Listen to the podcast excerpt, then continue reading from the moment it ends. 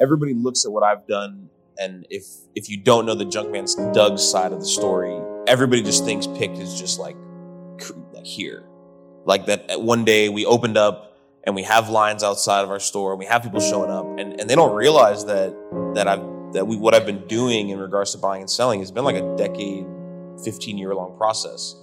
Um, it took a long time for me to find the niche that I wanted to be in. So it, it, it does just take time. You got to be patient.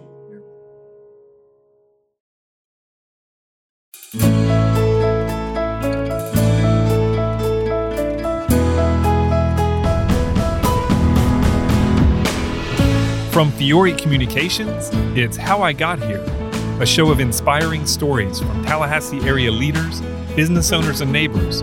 All the challenges, opportunities, inspirations, the twists and turns of life that led them to where they are today. Everyone has a story worth telling, and I am really grateful that we get to bring a few of them to you. I truly have been changed by my conversations with these amazing people, and I'm confident you will be too. Welcome to a special episode of the podcast. I recently had the honor of recording in front of a live audience at the inaugural Access Tallahassee YP Summit held at the FSU Conference Center in April. The event was designed for young professionals to hear from community leaders and network with peers. In the opening session, Doug Ramos, aka Junkman Doug, founder of Picked, and Bryce Brown, founder of Tribe Vintage, shared their personal stories, their business journeys, and their love of vintage apparel with me, and the audience. Launched in 2006, Access Tallahassee is a program of the Greater Tallahassee Chamber of Commerce designed to help connect and engage young professionals in our community, provide professional development, and retain local talent.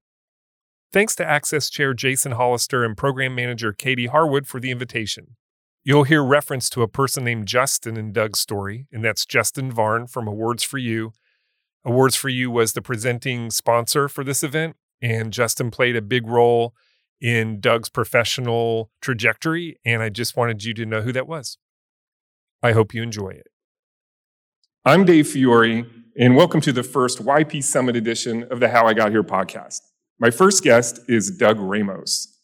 Doug is the owner of Picked Vintage Goods. The FSU graduate is married to his wife, Kristen, and they have a one year old son, Wes. Doug's dad was in the military and they moved around a lot when they were young including time in Hawaii where he was born. So, first, welcome, Doug. Thanks for being here. Thank you. Okay. And uh, so, do you remember anything about Hawaii? Uh, I always feel like I do, but I think it just comes from like family videos and pictures. So okay. we left for there when I was like two and a half. So don't remember a whole Not lot. strong memories. Have you ever no, been back? Never been back. Hopefully soon, though. My mom really, really wants to go. Yeah. All right. So where else did you live growing up when you were young? After Hawaii, went to Arizona, spent like a year there. Then we were in Georgia, just outside of Savannah, for like a year. And then we spent some time in Key West with my grandparents. My dad got a job in Miami, but for like a year, they were trying to find housing and figure out where we are going to live. So for kindergarten, I was in Key West. And then I was in Miami from 96, 97 to 2011. Okay. So you spent most of your years in Miami growing up, yep. right? So what was your experience growing up in Miami in the early 2000s? I always feel really old when I say it because when I when we lived there, you know, everybody would talk about how oh, how much it's changed and how you know I wish you could have seen it 20 years ago, and I find myself saying that. Um, but I loved it. I mean, it's a it's a big city, but it's also very spread out. So you have like your little your neighborhoods and you know your your sectioned off portions of housing. Kind of, it's not just like a big city like New York is. Right. Um, so I loved it. What was family life like for you? Dynamics, your parents, siblings, what was all that about? Um, so grew up mom, dad, two brothers in the household. Um, and then my grandparent, my mom's parents moved to Miami from Key West in 03. And so I basically grew up around family. Um, we had everybody was like within 15 minutes of each other. Um, and it was great. Um, I'm a little bit older than my two younger brothers, um, seven years and nine years. I was a surprise. Uh, you so were an was, early surprise. I was an early. Surprise. Usually surprise, surprises yeah. are late, right? You were an early. surprise. I was an early surprise for sure. Um, I don't know, but I guess growing up with them was I kind of functioned as like a third parent in some ways. Right. Did you like? I mean, did you enjoy that? You know, kind of taking care of your little brothers. Yeah, I always wanted siblings. I mean, from for as long as I can remember, I always wanted a sibling. So finally having them was was great. I was a little disappointed. There were two brothers. I wanted a sister, but you know, we made do. You didn't dress either of them up or anything? No, I didn't dress either of them up.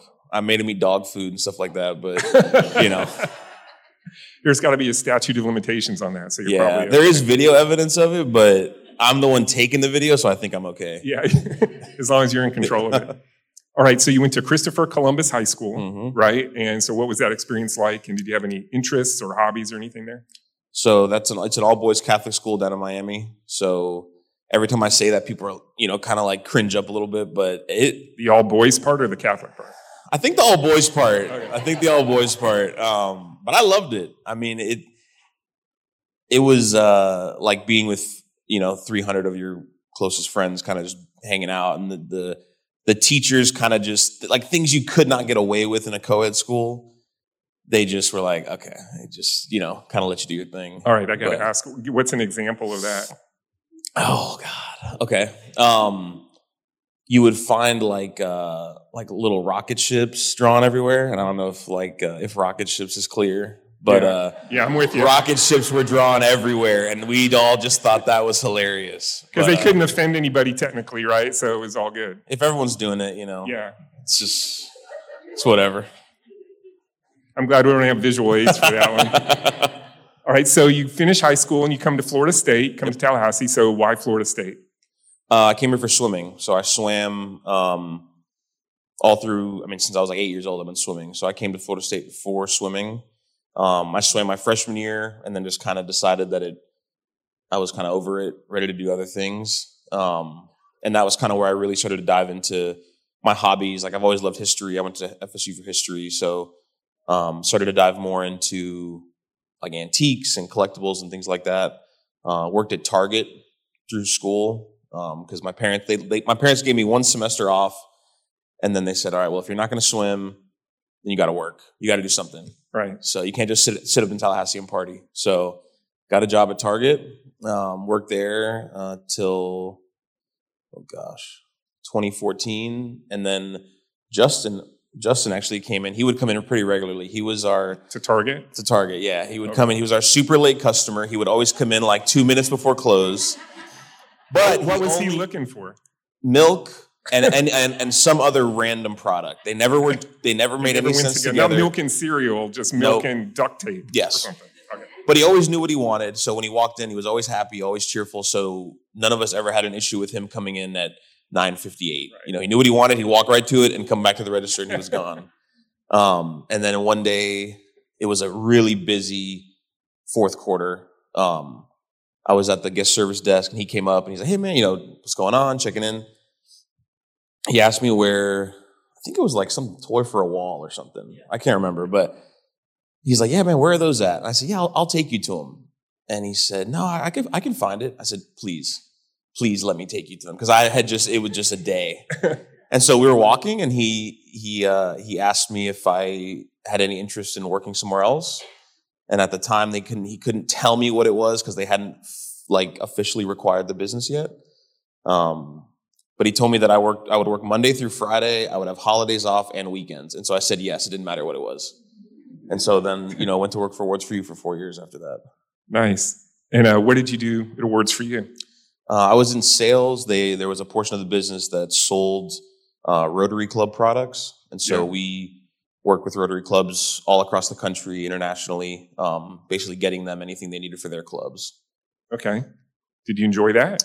Were there, was there sale? There was sales involved with that, or It- it- fulfilling stuff? It was more more so fulfilling for sure. We, um, I mean, we had our customers. We had some people that we worked with specifically, but for the most part, we were just fielding calls that were coming in um, and, Okay. and helping the customers out that way. All right. I didn't arrange this, but this nice constant tie-in to our event sponsor seems a little more than Yeah. coincidental to me. I'm just, I'm just saying. Um, all right. So you mentioned it a little bit with your love of history um, in your degree, but when did you start having an interest in vintage apparel and specifically FSU-related vintage? So in the antique world, I mean, now it's different, but five or 10 years ago, you know, the clothing, vintage clothing didn't really have the same respect it has now. People kind of considered it too new to be worth anything or worthwhile. You know, you're trying to tell somebody who collects things from the turn of the century that, that their shirts from 1997 are collectible. People couldn't really fathom it.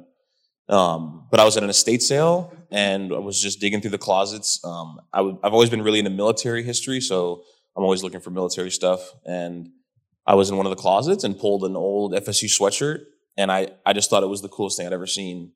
Um, and at the time, vintage hadn't grown to be what it is, so there really wasn't anybody around town that was doing it, or there wasn't any outlet for somebody that was selling strictly vintage, you know, Florida State goods. Um, and so I bought it, and that was just kind of the catalyst for it. Started to get more into it, started to look for it more, started to focus in on it, and you know, obviously now it's grown. So you were kind of selling it on the side, in addition to your, you know, nights and weekends and that kind of thing. Yeah, Like yeah. So, so the the best thing when I was at Awards for You was that I had the weekend, so I could go to the flea markets and go to the markets and go to the sales. Um, and so I would like right. So I'd go work during the day, and at night I'd come home, photograph, put stuff on eBay, things like that. So you're basically at this point just flipping stuff, finding it, buying it, selling it. Right. Okay. Right. And by the way, what you call vintage, I just call stuff I still have in my closet because I have some of that stuff you sell. I'm like, dang, I wish I would have sold it to you. yeah. Hey. Someone from Goodwill at some point benefited from it before I knew about you. All right. So in 2019, you take the plunge, leave the security of your job, right? And go at it, you know, full time. So how did that go at first? I imagine that was a little scary. it was a little scary. Um, I have a very supportive wife, so we sat on our porch uh, one night, like January 2019, and I had expressed that I was ready to, that I wanted to jump, but um, you know, it's it's overwhelming to kind of think of of putting all that pressure on one person. But she said, "Do it," and so we did it, and it took a little bit of time to navigate because at that point I had only been doing the vintage clothing for four months, but it had done well. And so we kind of knew we had something. We knew it could be something, but I, I needed the time to dedicate to it. Um, so we spent 2019 really working it and, and really growing. Um, got our website up, and that was the like quitting was the best thing that I ever did for my business because it allowed me to just give all my attention to that, um, and just you know put 100% effort into it. Right. Yeah, the transition thing is good, but at some point you just got to go for it, right? And. Absolutely. Right. Um, right. So you started with pop-ups and online sales and uh, promoting with Instagram and Twitter. Yep. And you you became Junkman Doug, Yep. right? Which is an awesome name. Do they call it a handle? Is that still a thing? Yeah. Yeah. okay. Uh, so you did that. So that must have been hard. I mean, pop-ups sound hard. Packing up all your stuff and just showing up and setting it up every setting it up every time. What was that like? The pop-ups were a lot. They we would do them. We do like four a year. Uh, one at the beginning of the football season, one in the middle. We'd pick a, a good home game in the middle, and then we would usually set up for either Florida or Miami. That was kind of how we did it. Right. And then we would do a game, uh, a pop-up for the spring game. Um, so it all really centered around football, but it was only like I said, there was no overhead. I was just working out of my house, so the four pop-ups kind of got us through, and then we had our website sales. Um, but setting up for the pop-ups was a lot because you can either do a very basic setup where you're just you're there for an hour and, and you're moving on, or we would do, and this is pretty much every single one. We would do a really extensive one. So we would take out you know three or three hundred fifty pieces of clothing, um, all prepped, measured, tagged, cleaned, and ready to go. And then we would kind of set up under a tent, but we would set it up like a store. So we would have multiple clothing racks. We'd have a, a rack for hats. Um, we would have, you know, your checkout table. We'd have our, our bags. I mean, it was really like set up like a store. A really little store there. yeah, yeah. Were you surprised at people's interest in the vintage clothing? I mean, did, I knew you knew there was an interest, but it's really, I mean, it was super popular. Were you surprised by that at all? I, was pretty surprised. Um, I knew that what we were doing was cool, but you know, to have it like everybody knows, to have a business, everybody else has to also think what you're doing is cool. That's So, important. you know, if you think it's cool and your mom thinks it's cool, that's great. yeah, that is awesome. But people that are spending money have to also agree. Um, it's an important part of the model. yeah. And so we when we set up for our first pop up, we were inside of um, Happy Motoring. I don't know if any of you guys have been over there, um, but we set up where Tally Mac Shack was, Right. and it was just two racks. We had some hats laid out on the bar there. It was really really simple setup. Uh, we're getting ready, and people start to kind of fill into the bar, and they're sitting like some people are ordering a drink, but most people are just kind of sitting there. And me and Kristen and and um, her mom, she's there helping us. You know, we're looking up and we're wondering like, what are all these people doing? Because it was very like no one was there, and now there's people filling in. And when we opened up the pop up, sure enough, everybody that was waiting was for us. And so that was a very like that was a moment of realization Affirming, for right? me. Yeah, because people were there early and they were excited and they and they spent money and and um Because it's not like you've got 20 of one thing, right? If somebody sees something, they want to get there and get that thing. correct. right? Yeah. So pretty much what we have is all like not one of ones, but if we're at that pop up, we, we more than likely only have one of those, and it'll Right. be X amount of time before we find another one. Okay. All right. Um, I wish we could dive in more, but I need to get to Bryce in a Okay. second. So just do want to talk about in 2021, you opened your brick and mortar. Mhm. So that's a bit, another big jump in the process, right? To have Yes. a physical location. What's that been like? It has been the hardest, you know, 18 months of my life. Um, it's been very rewarding. What we've been able to do is I'm very proud of. But there was a whole it's a whole nother thing to add in rent and utilities and employees and insurance and all these other things. But the support for that's been really outstanding too. So it, it's been good. It's been great. Hard, but really, really, really good. Okay well, great. Well, thanks, Doug. We will come back to you in a little bit. All right, my next guest is Bryce Brown. Bryce is the owner of Tribe Vintage and is a junior at Florida A&M University, majoring in business administration. He was born and raised in St. Petersburg, where he attended Gibbs High School and the Business, Economics, and Technology Academy. Bryce, thanks for being here. Thank you. Welcome. And uh, so tell us about your life in St. Pete and your family growing up. Um, so growing up, I'm the youngest of six. Uh, me and my oldest brother are actually 18 years apart. So Wow. yeah, so that was a, a big surprise for my family. Uh, so growing up, youngest of six, grew up in like a sports household. Uh, my dad played basketball at uh, Jacksonville University. He, was, he pretty good. He scored like a thousand points in two seasons. Um, and then from good. there, like my oldest brother, who's like 18 years older than me, he played in the NFL. Um, my then my brother, who's like just a year older than me, he's playing overseas in uh, New Zealand. Wow. Um, yeah, so I grew up playing basketball, grew up in a basketball household. Um, so some of the uh, pressures of growing up behind that, uh, once I got to high school and playing basketball, it sort of like made me sort of fall out of it a little bit. Um, but growing up in that sports household really just like gave me like a lot of motivation to sort of like be myself and, and do those things, especially growing up in St. Pete, just because it's a small, it's just like a smaller town when I was growing up. Um, but you know, it's, it's sort of been expanding and, and, you know, growing up there was amazing. You know, it's, sort of like, uh, I tell my, uh, people St. Pete is like Miami without the tourism.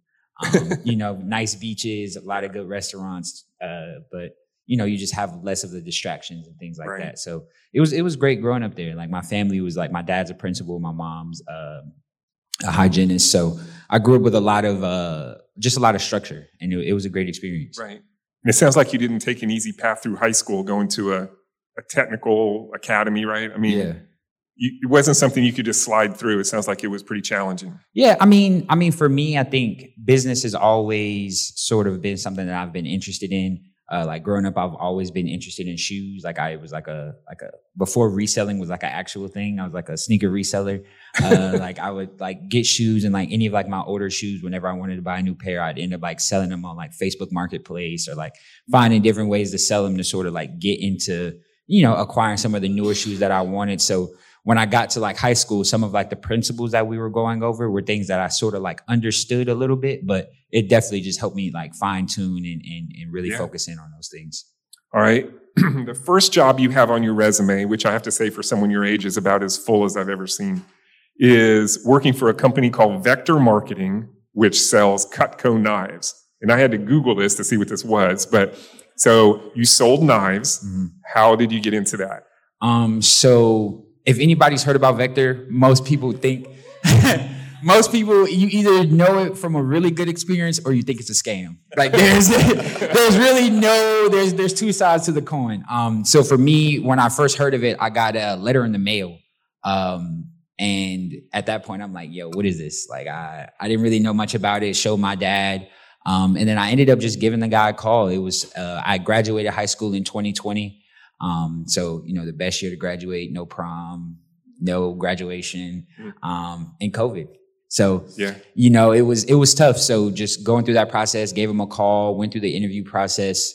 Um, and yeah, it was it was just random. It honestly was random. Like it sort of just fell into my lap in a way of just just checking the mail. So were you good at it? Yeah, I would I would say I was pretty good at it. Um, it's it's actually funny because one of the the manager at the time that I was working with there, he's actually uh, a senior at FSU now. Um, so I've run into him a couple times and he like pushed me. There was a time where the uh, during the summer we have this thing called uh, the summer push. So it's like a 14, I can't remember, it's like 14 or 19 day push. Um, and there's like the, there was like this special club of kids that like had like like high goals. And in the beginning, like I really wasn't like I was sort of still new in it because I had just joined in June and the push was in July. So I was still trying to just get my feet wet, get used to understanding the the, the terminology, understanding the script. Um, so I was I was a little nervous, and he he pushed me through that point. And I think the first two days of the push, or first three days, I had no sales. And then after that, I was able to sell, I think it was 13.4 thousand in like 13 or 14 days. Um, so I would, I would say it was, I was pretty decent. Nice. All right, good. All right. Then after a semester of, you did home at college at St. Pete Junior College or community college? Uh, just State just- college? Saint, it's just, yeah, it's just St. Pete College. St. It, Pete it used to be, it used to be a junior college, yeah, it was all those things. they've come Um, up. So because of COVID, Mm-hmm. right? And then you transferred to FAMU the spring of your freshman year, Mhm. right? So why, why FAMU?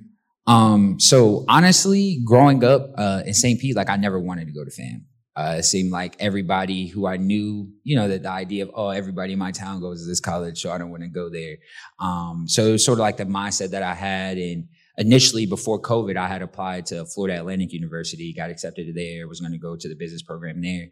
Um, and then like summer 2020, George Floyd happened. And it sort of just made me change the way that I looked at everything and change the way that I looked at life and sort of how I wanted to go about, um, you know, my college experience. Uh, growing up, uh, I was in like gifted programs and things like that, and where I was always the minority in my classrooms, and times where I was like the only black kid in class. So mentally sometimes that that sort of plays a role and and you know it sometimes you don't realize it in the moment but it can sometimes just change the way you look at things so Sure. for me i just wanted to be in a position when it came to college of, of being in a space around like like-minded people who do look like me so Right. it was sort of like going through george floyd and, and just having to make that that that change in that change of mindset of wanting to come to fam Yeah, that makes a lot of sense. Right. So the summer after that, you go home and you, in the same style that we've learned as you now, you take two jobs, right?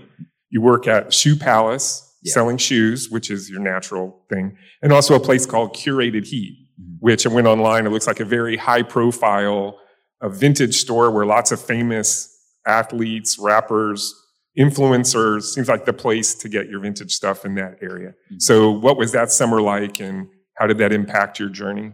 Um, that summer was like really essential because it it sort of like helped me expand my mindset. Um, and sort of just see like all of the opportunities that were in front of me. Uh, just being in like the sales space with shoes, it sort of put me in a space to where like I was in an official business when it came to selling shoes and really just understanding that marketing. And really for me, even though Vector for the most part was like face to face online, Shoe Palace was my first time like really like working on like face to face interactions with customers in, in a store setting. Um, so it just helped me understand like how to talk to people, how to ask, how to ask people what they're looking for, and sort of just make the experience good for anybody who's coming in who may be looking to buy 30 shoes or may not be looking to buy anything at all, but still providing them that same experience. And then the other hand, with curated, it sort of um, helped me understand vintage much more. Like I, I- that's what I would call a curated like vintage school for me. Um, that's where I really learned about like the difference between like a like a single stitch and a double stitch t-shirt, understanding like the difference between like tags and understanding like how you can date a shirt based on tags and understanding like what a reprint is and, and just all of those those small things about vintage that if you aren't in it, you don't understand. Um, but it it really just helped me develop like that that deeper mindset. So it sort of helped like the vintage side and then also just helped with just my professional like business side. So, it was kind of the place to go if you were Yes, because You know, because during that time the Toronto Raptors were in Tampa right. because of COVID. So a lot of times there were a lot of NBA teams who would be in Tampa and they would be looking for vintage stuff. Yeah, that makes and then sense. yeah, Yeah. they would just come down or we there were times where like we would travel to like their hotels and stuff and and uh like bring vintage to them.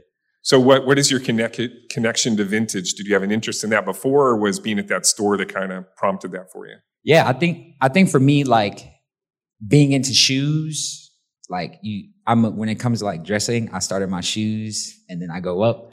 So I'd already figured out shoes, but then I was still in the space of trying to figure out like up. So, your whole look starts with your shoes. for sure, Okay. for sure, I'm a shoe, then pick everything else. Okay. I make shoe contact before I make eye contact. That's what I always say.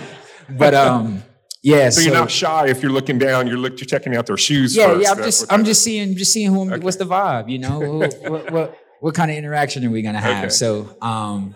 That's good to know. yeah. But um, so could you restate the question? That's all right. We'll move on. We got, it's important. The shoe thing's important. I, I'm getting that. So you come back to to FAMU after a summer and you start your own little thing in in your dorm room, right? You start selling vintage out of the dorm room. What I asked you about was how you started liking vintage. Oh. and it started from the shoes, right? Yeah. So then you started selling in your dorm room. So how did that? How did Yeah, that happen? so um, it was being around curated heat, being in that space. Um, I started going to the like Goodwill bins when I was home, um, and that was pretty much a place to where like if anybody in vintage knows, like the bins is like the gold mine, but it's a lot of dirty work um, because it's like a like bales and it's like all of the stuff that comes to Goodwill before it is um, before it's like processed. So going Right. through that process of, of going through the bins when I was home and and now seeing that that was a way for me to sort of create a create a stream of income. And then with me coming to fam, like I didn't want to be the kid that was like always calling my parents to like for money. So Okay. so I got into I was going to the bins when I was home, and then when I came when I came up to fam, um, it was me just trying to just do my own thing and, and figure out my own space in, in the college campus because like I, I played basketball all the way up through high school, so I had stopped playing basketball, so I didn't really have like that basketball identity anymore. So I was sort of just like rebranding myself. So vintage was a space of like me like working at curated, going to curated, being around them, and, and understanding vintage more um, and you know stepping into a new space and, and really finding something that I was really passionate about and that interests me. Yeah, that's awesome. You also did an internship at Nike in Oregon, right? And what did you learn from that? That must have been a pretty great experience. Yeah, it was. I mean, that's like the shoe heaven of the world. Right? yeah, there was that was like I was like a kid in a candy store every day. Um, but yeah, so that that experience was amazing because it just it just opened my eyes to just like the the global side of business um, and understanding like how when a business gets to a certain level, how far in advance that they work ahead. Um, like like Nike's production cycles on an 18 to 24 month production cycle. So the stuff that we see now, they were working on in 2021, 2020. Right. Um, so it was just really just understanding like the bigger picture and seeing how how how much broader things are when it pertains to like business and really when you when you want to become like a, a well-oiled machine, like understanding like planning is important. And you know, sort of understanding that side of, of, of it as well. Right. Yeah, sounds great. And then the next thing you did was you started your tribe vintage business, right? And that's what you're doing now. So tell us about that. Um, so Tribe Vintage pretty much just started because uh, me and one of my closest friends that I've met in college, Elijah Rutland, um, he was a former FAMU grad. Uh, we both had a, a common a common likeness towards like Black History Vintage, HBCU Vintage, obviously FAMU Vintage because we go there. Um, and I was in a space with my previous vintage uh, business, Crew Worldwide, where I sold a lot more general vintage, which is like Harley Davidson t-shirts, NASCAR t-shirts, um, all those types of things. And now, and it really wasn't like connecting with me anymore. Um, so I was really just in a space of trying to figure out like what lane of vintage I wanted to step into and like what niche I wanted to step into. Um, and I'll have to like sort of point to Doug and sort of give a lot of props to him because he sort of like helped me understand that like in vintage there are niches and, and you're able to really excel in a niche you know? So for us we when once he opened the store and like we were able to be around the store and, and just be in that environment um, we were able to see that you know there is a niche out there for FAMU stuff. There is a niche for black history stuff and, and divine nine stuff which are like black greek organizations. Um, so for us it was just sort of trying to provide that same feeling of of being a part of something and having that niche for vintage and, and having something that can connect with students that go to HBCUs and, and go to FAM and, and other things like that. Yeah. And how's it going? It's been going pretty good. Yeah. It's a, it's still it's still a work in progress um, because we're still trying to to help people understand the value of vintage and you know take the the mindset of them just seeing it as like an old T-shirt that we got from Goodwill and, and really understanding like the curation of it and, and understanding how how tough it is to find like older Black history stuff because like the, the tough thing that the funny thing that like within like the Black community is like your grandma probably wore the same T-shirt all your life. Um, like I know my grandma, like she she she has shirts that she's had all of her life. So within the black community, like a lot of the older generation, if it's something they're connected to, especially FAMU people, they don't get rid of it. Right. You know, so a lot of times there's a lot of digging, there's a lot of connections that you have to make. Um, so it's a little bit tougher to find some of those things and, and really have a full curation of it is, is, is even tougher. Yeah. You know, so just helping people understand the, the value in that and understand, you know, that that we're really trying to bring something to them that's that's much bigger than a piece of clothing. Yeah, that's awesome. Well, congratulations on your success. Thank you. All right, now we're going to kind of piece it together because we didn't really talk about that Bryce and Doug work together and collaborate on vintage stuff. So why don't we, why don't you guys talk a little bit about how you met and how the collaboration works? Um, so I've been good friends with the guys on Curated Heat for a while because we deal in specifically, I mean, picked as a whole deals in everything, but at the time it was just Florida State. That was like my niche. So I met Curated Heat because they would get Florida State stuff in and they, they could sell some of it, but for the most part, you know, I would come down there every couple months and kind of just buy everything, take it back up to Tallahassee. So I met Bryce very briefly at the store, um, and then he came up for school. Did he try to sell you any knives? No, no knives. no knives. Um, Okay. But when he came up, we opened the store. Uh, he started just he would just come and hang out. You know, we were like minded. We liked the same stuff. He, we would all, all have fun at the store. So he would come up, and then uh, the store kind of grew bigger than what I thought it would be. So come January uh, January 2022, we kind of needed more help, and we brought Bryce on um, as an employee. Nice. And now you have a section of the FAMU HBCU category of vintage in the store, in the um, brick and mortar store, right? Yep. So he's got a so it was really important for us when we opened Picked to do what we could to bridge the gap that exists between FSU and FAMU. I mean, if you've if you've lived in Tallahassee a long time, um, or you went went to FAM, probably more specifically, I think people at FSU may not realize it as much, but there is somewhat of a rift, right, historically Sure. speaking. So we wanted to do what we could to try to bridge that gap. So we have our FSU wall. Obviously, that's our our premier wall because that's what brings in the most business, and that's our that's my main stick. But we do have a, a dedicated FAMU wall that has historical pieces on the wall um, that just kind of show a little bit of history of FAMU, and then we have a, a dedicated section um, where Bryce kind of comes in as we figured out that people that go to FAM want to support Black entrepreneurs. They want to support if they're purchasing FAMU gear and FAMU clothing. They want to be supportive of somebody like them, which is understandable. So Bryce had been, like I said, like he said earlier, was kind of transitioning his journey, and I kind of saw it as a chance for us to work together and, and say, hey, well, listen, let's. This is what you want to do, so let's let me help you do it, and and you can be a part of it. That's awesome. Yeah. Bryce, how's it worked out for you so far? It's been amazing. Um, I know for me, one of the greatest things about being able to work with Doug is like, like I was saying before, with from a sourcing standpoint, it's been like really tough. Um, because like online and, and some of the places that we have to source from, it, it dries up sometimes, but this is the this is the honey hole, you know. Doug always looks out and he's he's because he's been in it much longer than I He have. He knows people. Yeah, he he he knows people. Right. Um, you know, so so the not just from a from a sales standpoint, from but just from a from like a being able to source standpoint, being able to work with the store and being able to work with Doug has been amazing because he's helped me be able to expand my business in ways that if I if me and Elijah just tried to do on our own, it, it probably wouldn't have been possible. Yeah, it's such a great example of collaborating and each still doing well in, in different lanes and supporting each other. And there's plenty of plenty of people who want vintage to go around, and so that makes a lot of sense. So congratulations on that. It seems like a great Thank you. great partnership. All right, as promised, I want to do a couple kind of practical questions thrown at you. You don't know what these are, so um, be ready. Here we go. All right, so what would you say to somebody who's excited, has a great idea for a business, isn't excited about it, but just doesn't know where to start? What advice would you give them? Um, I would say don't get caught. It, everybody that everybody feels that way. If you're starting a business, if any, anybody in the crowd has started a business, like you know that you feel stuck at the beginning. You don't know where to start, and you want it to be perfect. You want it. You don't want to make mistakes. You just want the final product to be out there, and that's just impossible. You're never. You're the whatever business you start today is not the business you're going to have in 18 months or 36 months. You know, whatever time period. It's always going to grow. It's always going to change. You're going to make adjustments. Um, so maybe not the best advice, but you kind of just have to start, even if you don't know where. Just um, research what you want to do.